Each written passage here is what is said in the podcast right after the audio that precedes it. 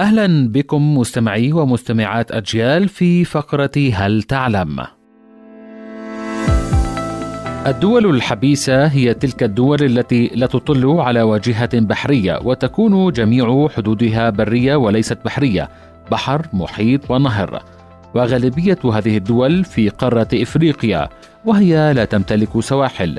لذلك تقوم باستئجار بعض الأرصفة في موانئ الدول المجاورة التي تطل على البحر بناء على اتفاقيات مبرمة بين الدولتين لتسهيل حركة تجارتها الخارجية وحركة الأفراد.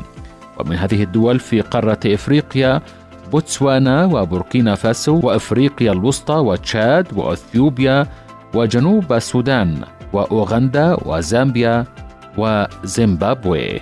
كانت هذه فقرة هل تعلم؟ قرأها عليكم محمد إبراهيم.